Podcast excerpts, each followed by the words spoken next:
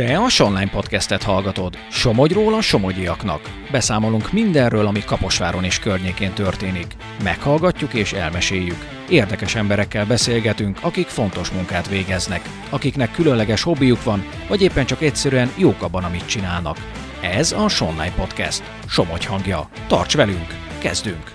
A Magyar Agrár és Élettudományi Egyetem Kaposvári kampuszán szerezte meg tudásának egy részét Bende Zsolt, egy Balaton keresztúri fiatalember, aki a közelmúltban a Balaton felvidéki Nemzeti Park igazgatóságának igazgatója lett. Célul tűzte ki, hogy a Somogyi tájegysége a Nemzeti Parknak nagyobb figyelmet kapjon az elkövetkezendő időkben, hiszen itt nőtt fel, a nagyberek világa varázsolta el teljesen, és szeretné ezt a tájegységet másokkal is jobban megismertetni. Vele beszélgettünk Balaton keresztúron, Turbéki Bernadett riportját hallgatják. Tegeződni fogunk, hiszen mi nagyon régóta ismerjük egymást, úgyhogy ezt most nézzék el nekünk a hallgatók. A közelmúltban azt nyilatkoztad nekünk is, illetve más sajtóorgánumoknak, hogy neked a természetvédelem a legfontosabb, és hogy most olyan pozícióba kerültél, ahol ezt a szolgálatot a legjobban tudod megtenni. Viszont kezdjük egy kicsit az elejéről, hogy te hogy csöppentél bele a természet világába. Rendben van, hogy balatoni fiú vagy, és ez már egy plusz adalék ahhoz, hogy az ember közel kerüljön a természethez. Na de te a berek világának a, a, az életét élted eddig. Üdvözöllek!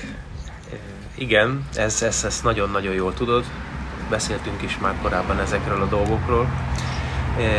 Én Madártani Egyesület madártani táboraiban kezdtem még valamikor réges-régen, és fenékpusztai madárgyűrűző táborban például, ahol a kis Balatonra is kiártunk, sokszor akár hónapokon keresztül kint voltunk a Kis Balatonon, be se jöttünk onnét, és ott madarat gyűrűztünk, madarat fogtunk be, illetve az akkori botulizmus járványok, járványban szenvedő madarakat gyűjtöttük össze és hoztuk ki gyógyítási céllal onnét. Mennyi idős voltál ekkor? Mert hát, hát ez, ez mondtad, még az általán, igen, az általános iskolai időkről beszélünk és hát mindig is egészen kiskoromtól érdekelt a természet, a biológia, az még, még korábbra tehető valamilyen szinten. Van a családban, akitől ezt örökölted? Nem, nincs. Nem, nincs abszolút. Édesanyám könyvtáros volt, apukám rendőr, tehát abszolút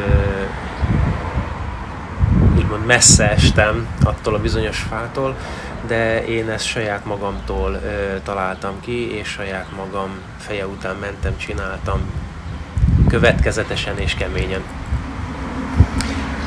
A derekbe hogy kerültél? Hiszen mondtad, hogy ez először madárgyűrűzés volt, aztán utána itt a Nemzeti Parknál kezdtél dolgozni, de azért előtte is volt egy ilyen berek rajongás.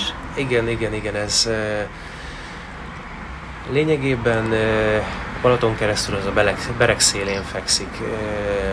Folyamatosan jártam a berket, madaráztam, természetjárás címszó alatt mindig valahogy a berekben kötöttem ki, illetve a fehérvízi láb élőhely rekonstrukciójában is segítkeztem, és tehát megismertem az ott élő embereket, megismertem a természetet, a gazdálkodást, nagyon közel állt hozzám a szívemhez. Mi az, ami vonzó benne? Mi az, amit te vonzónak találsz benne? Hiszen azért mondjuk el a hallgatóknak, hogy ez azért egy mocsárvilág helyel közel. Hát az biztos, hogy nem a bögyök és a szúnyogok.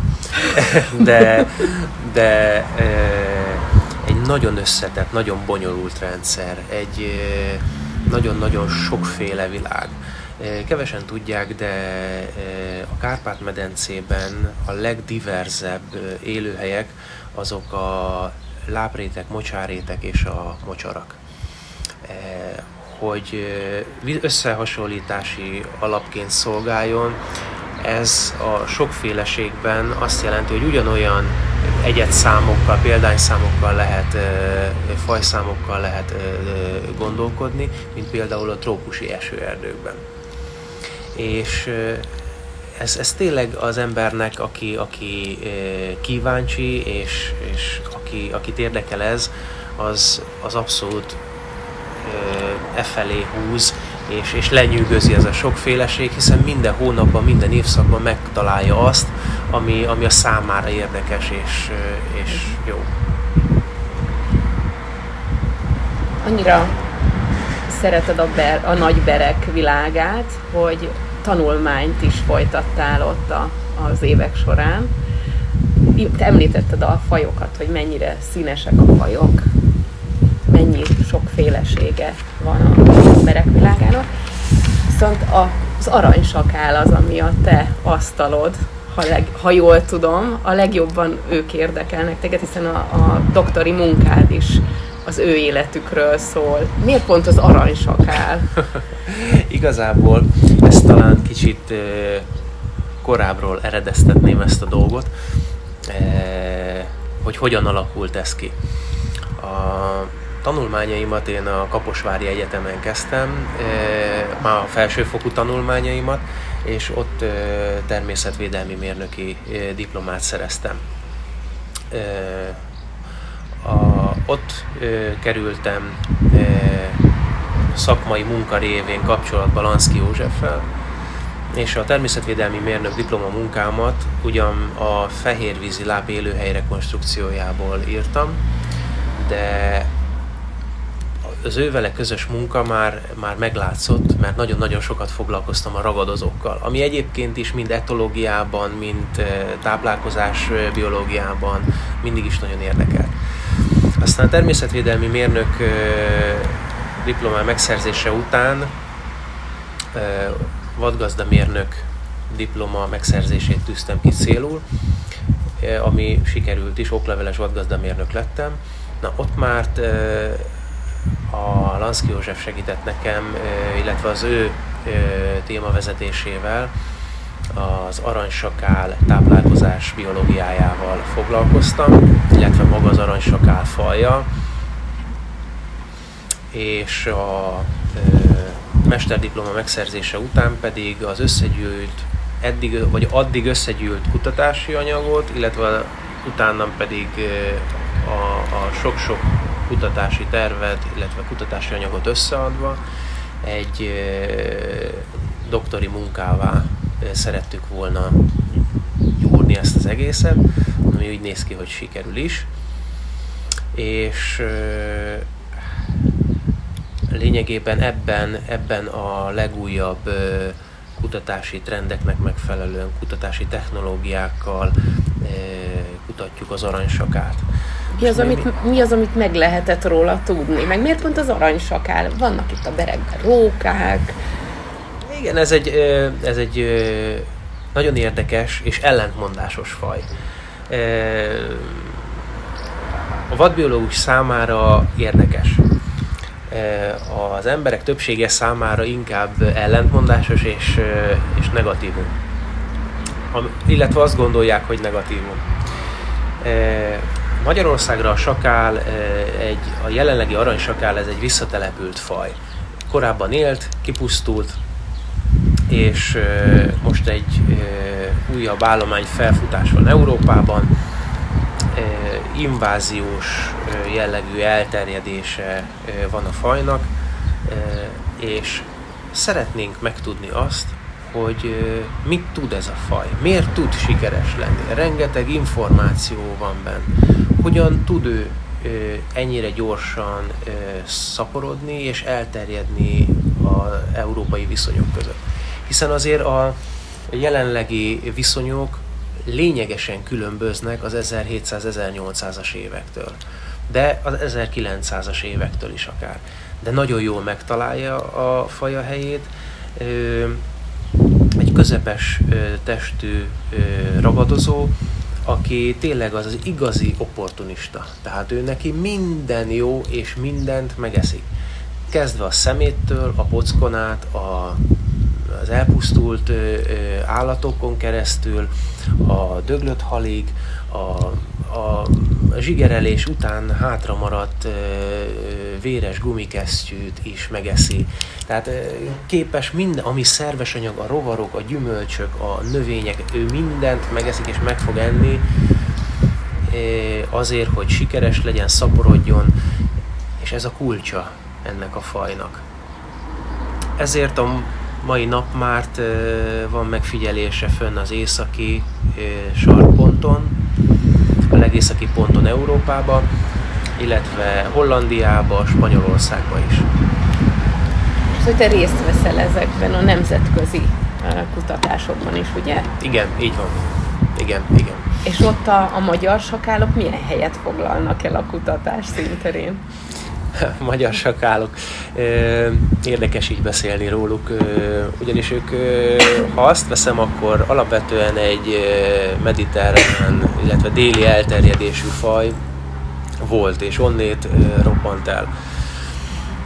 Magyarországon az 1980-as évek végétől számolunk betelepedéssel és felfutással, és azóta vizsgálgatjuk itt őket, és nagyon-nagyon sok adatunk van, és jó információnk. Na most akár a lengyel, osztrák szakemberek, kollégák ezt a tudást szeretnék felhasználni, illetve ezt a felhalmozódott ismeretanyagot átfordítani az ő országukra, hogy vajon ők mivel állnak szembe, ott mit mit fog mutatni a sakál, mennyire tud följönni, milyen egyet számmal, ott vajon hogyan illeszkedik be az ökológiai rendszerbe, a hálózatba, és ennek milyen hatása lesz a már ott élő élőlényekre.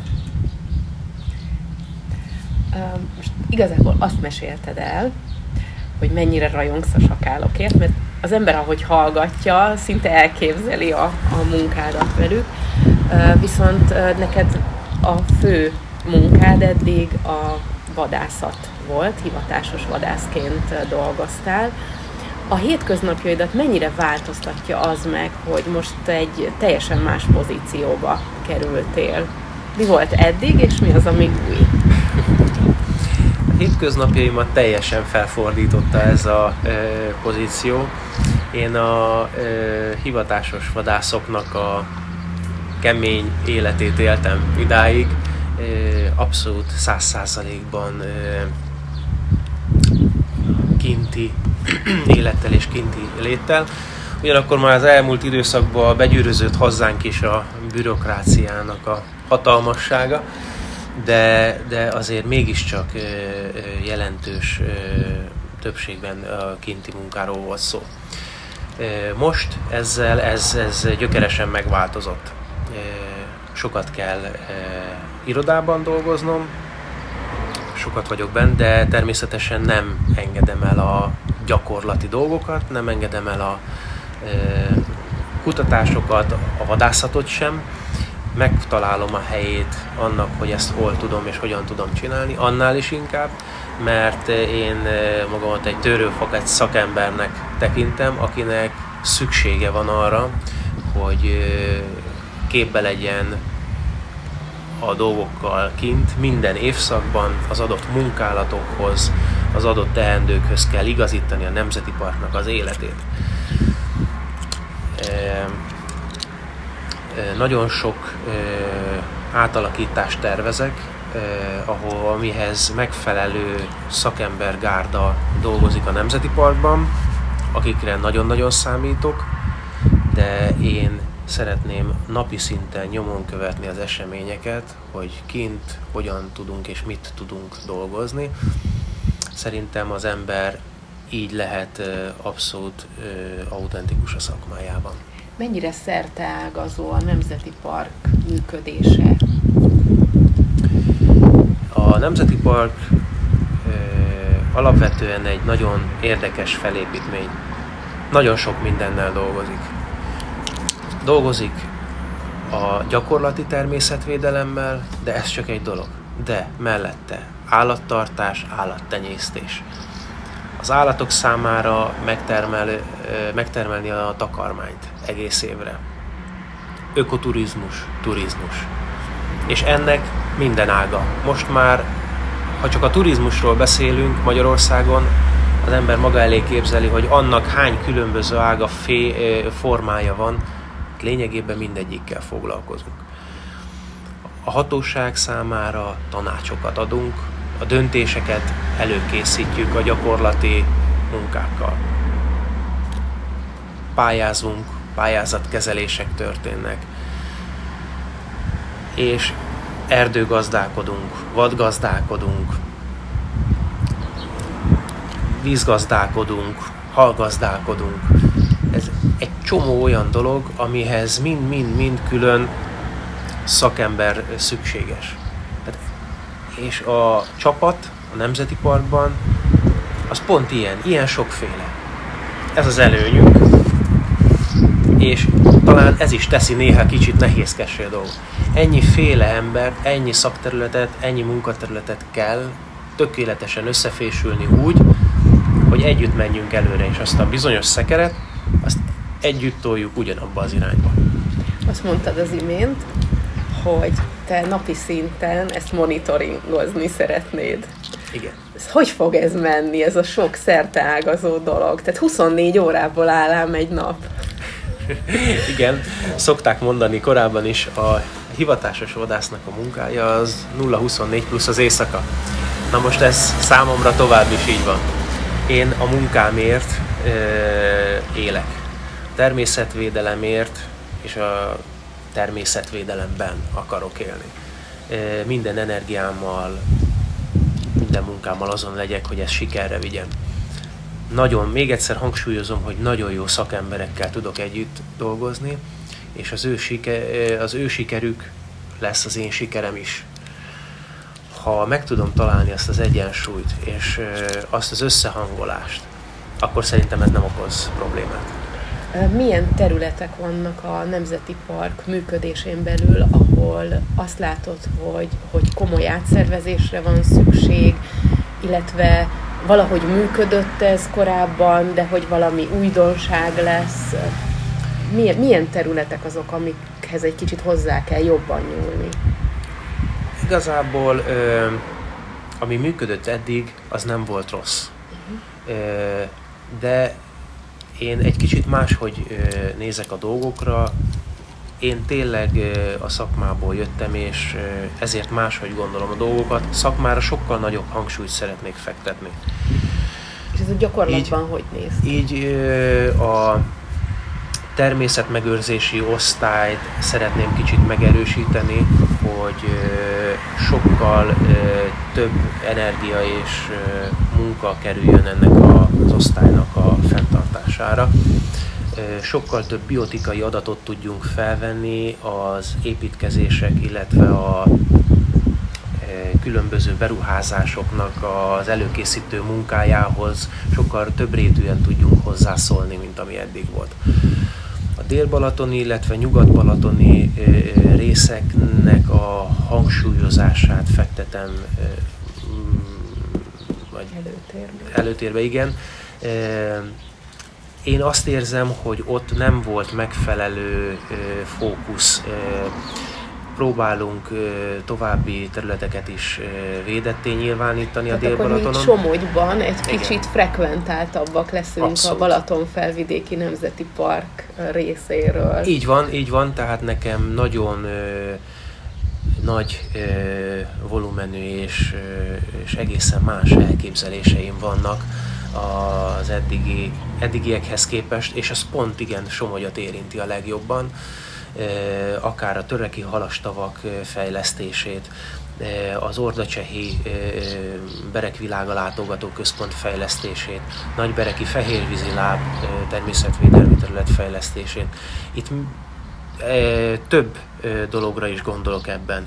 Itt nem csak turisztikai fejlesztésre, hanem területkezelésre, úgy, hogy az a természetnek megfelelő és jó legyen, akár idegtartású állatok segítségével, megfelelő kaszálási módokkal, mozaikos kaszálási módokkal, azoknak a gyepeknek, vizes élőhelyeknek a kezelését meg tudjuk oldani, hogy az adott élőhelyen a lehető legnagyobb fajszám legyen és lényegében ez a cél, egy természetvédelmi kezelésnek mindig az a célja, hogy a lehető legsokfélébb legyen. És mennyi idő ezt megvalósítani? A természetvédelemben nehéz erről beszélni, hogy ezt mennyi idő megvalósítani, és mit jelent az, hogy valamit megvalósítottunk. Ez, ez, én mindig úgy nézek rá, hogy ez egy folyamat. Ezt a folyamatot minél előbb el kell kezdeni azért, hogy minél hamarabb tudjuk látni azt, hogy jó irányba megyünk-e. De ezt mi soha nem fogjuk befejezni. Ezt mi elkezdjük ezt a munkát, és nagyon remélem, hogy unokáink és ükunokáink is ezt fogják folytatni, hiszen a gazdálkodás, a természetvédelem az generációkon átnyúló munka, és mindig a változásokra is válaszokat kell adni. Tudjuk nagyon jól, pontosan, hogy Kárpát-medence éghajlata melegszik.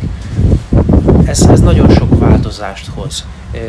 Ezért folyamatosan az állatokban, növényekben követnünk kell ezeket a változásokat, és nekünk is választ kell adnunk arra. Bizonyos területek vannak, amiket el kell engednünk, tehát a végtelenségük nem, nem tudjuk tartani azt, hogy azok mocsarak legyenek, vizes élőhelyek, hanem akkor azt hagynunk kell, hogy azok már nedves rétek legyenek. Vagy bizonyos helyeken, ami degradált terület, ott egy komoly élőhely rekonstrukcióval akár új élőhelyet tudunk létrehozni most, ami majd akár 100-200 év múlva lesz majd egy nagyon-nagyon komoly és jó élőhely. Azt mondtad, hogy a természetvédelmet ebben a pozícióban lehet a legjobban növelni, vagy, vagy, vagy táplálni. Eddig, ugye pár hete lettél a Balatonfelvidéki Nemzeti Park igazgatóságának igazgatója. Eddig milyen a tapasztalatod ezzel kapcsolatban? Mennyire tudtad elkezdeni ezt a munkát? Lényegében most a megalapozásnál tartok. Én amit eddig, meg, az eddigi munkám során, amit tudtam, megtettem mindent a természetvédelemért, abban a szűkebb ö, ö, helyzetben, helyen, ahol tudtam. De most azt látom, hogy egy, egy egész nemzeti park igazgatójaként, konkrétan a Balaton felvidéki nemzeti park igazgatójaként sokkal nagyobb területen, sokkal több emberrel, sokkal több energiát tudok mozgósítani a természetvédelemnek a célja érdekében. Most próbálok ö, olyan kollégákat keresni, és egy kicsit úgy átalakítani az egész rendszert, hogy minél tökéletesebben tudjunk ennek a célnak megfelelni. Olyan ö, tőről fakadt szakembereket keresek, és próbálok velük összedolgozni, a kollégák között is, akikkel az én kitűzött céljaimat meg tudom valósítani.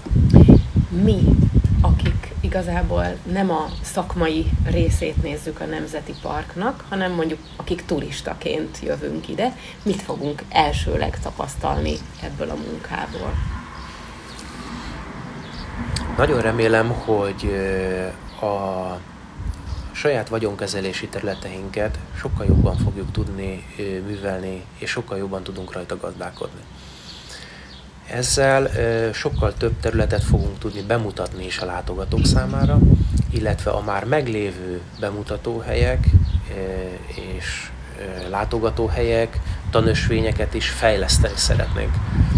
Sokkal interaktívabbá szeretnénk tenni őket, hogy kicsit haladjunk a korral, és a mai világnak megfelelő legyen. Valahogy utol kell érnünk azt a az elvárást, amit a sok-sok számítógépes, tabletes, mindenféle elektronikai eszközös világ nyújt a gyerekek és az emberek számára.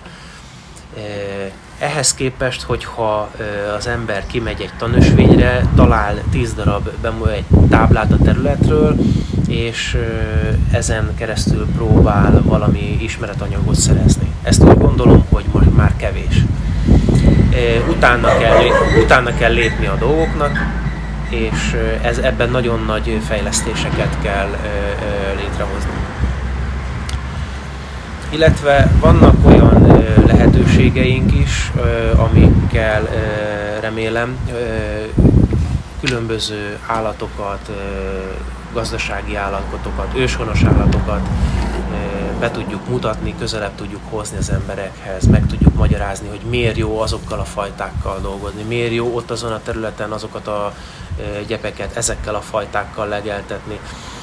Miért nem feltétlenül szükséges az, hogy mindenből a száz százalékig kizsigerelt területet hozzuk ki, és, és csak a precíziós mezőgazdálkodással foglalkodjunk.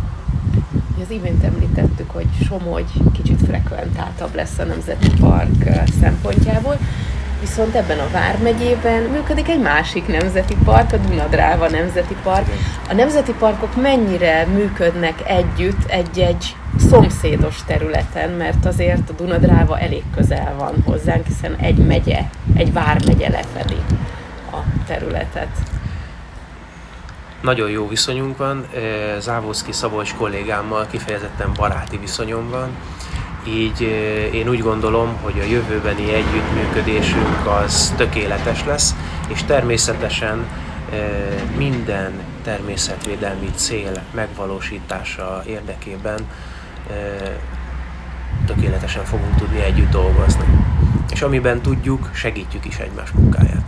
Jó, hát nagyon nagy hatékonyságot és sok sikert kívánok a munkához. Köszönöm szépen a beszélgetést. Nagyon szépen én köszönöm én is a lehetőséget. Te a Sonline podcastet hallottad. Tarts velünk legközelebb is. További érdekes tartalmakért lapozd fel a Somogyi hírlapot, olvasd a sonline.hu-t, kövess minket a Facebookon és a TikTokon is. Helyi tartalmakért hallgasd a hírefem adásait a 97.5 frekvencián.